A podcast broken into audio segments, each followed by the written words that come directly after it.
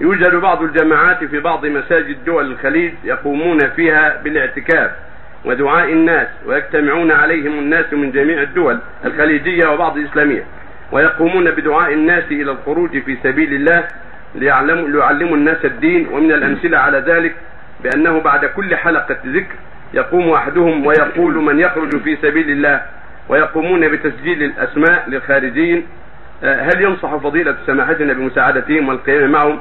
ولماذا لا يأتون هنا ويسمح لهم بقيام جماعات إسلامية إلى آخره؟ هذه قالها جماعة التبرير معروفة من عشرات السنين لهم جهود في الدعوة إلى الله ويخرجون في سبيل الله إلى بلاد الكفار وغير بلاد الكفار إلى أوروبا وإلى أمريكا وإلى كل مكان. عندهم نشاط إسلامي وعندهم بعض الأغلاط وبعض الخطأ. فإذا خرج معه طالب العلم وتعاون معه طيب يعينهم على الدعوة إلى الله وإذا أخطأوا يبصرهم. ينبغي يصحبهم أهل البصيرة. وأهل العلم وأهل التوحيد والعقائد الطيبة لأنهم أصلهم من باكستان.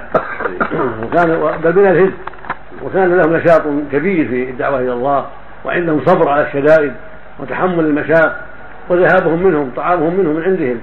لا يرضون أن يستضيفوا الناس بل ينفقون على أنفسهم ولهم أعمال جيدة ولهم تأثير في الناس.